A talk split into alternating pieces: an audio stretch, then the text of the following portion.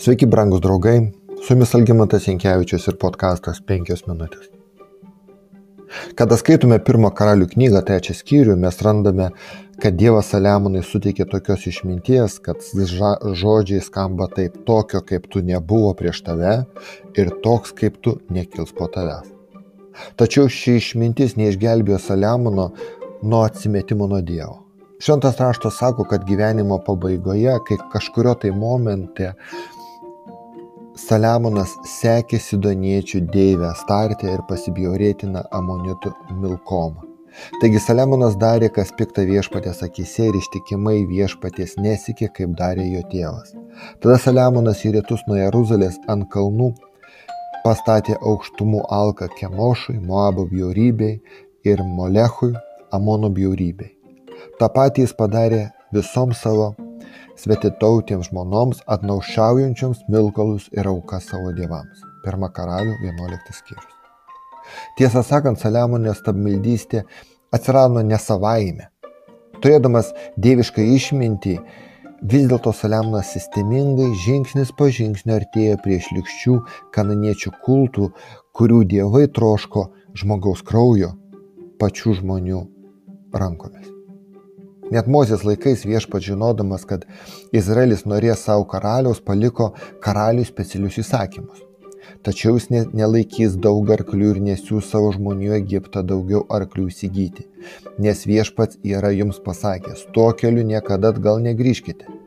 Jis neims nei ves vis daugiau ir daugiau žmonių, kad jo širdis nenutoltų, nei kaups sidabro ir aukso daugiau negu reikia. Pakartoto įstatymo 17 skyrius. Bet ką matome Saliamono gyvenime?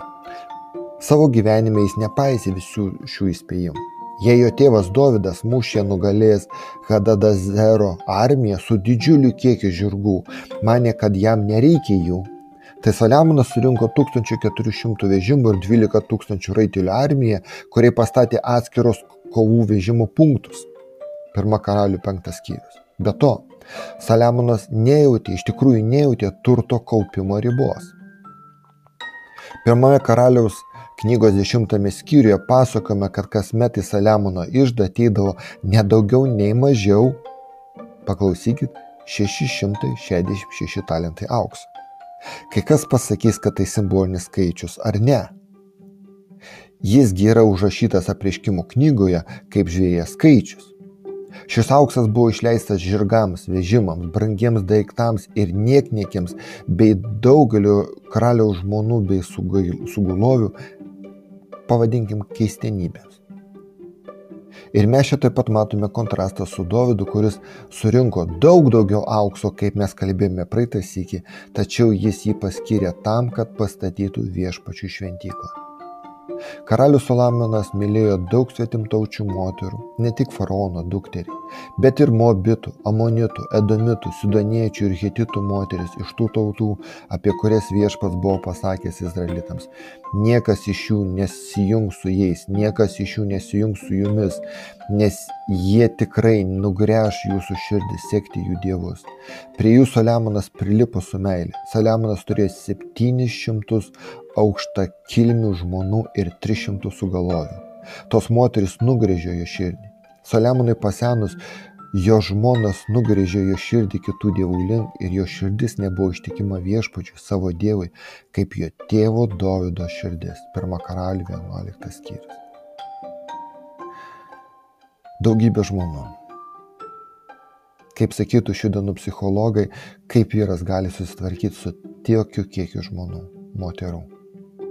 Visgi kaip karalius ir žmonių vadovas, Saliamonas turėjo rodyti aukščiausią paklusnumo pavyzdį, vykdydamas šios dieviškus nurodymus.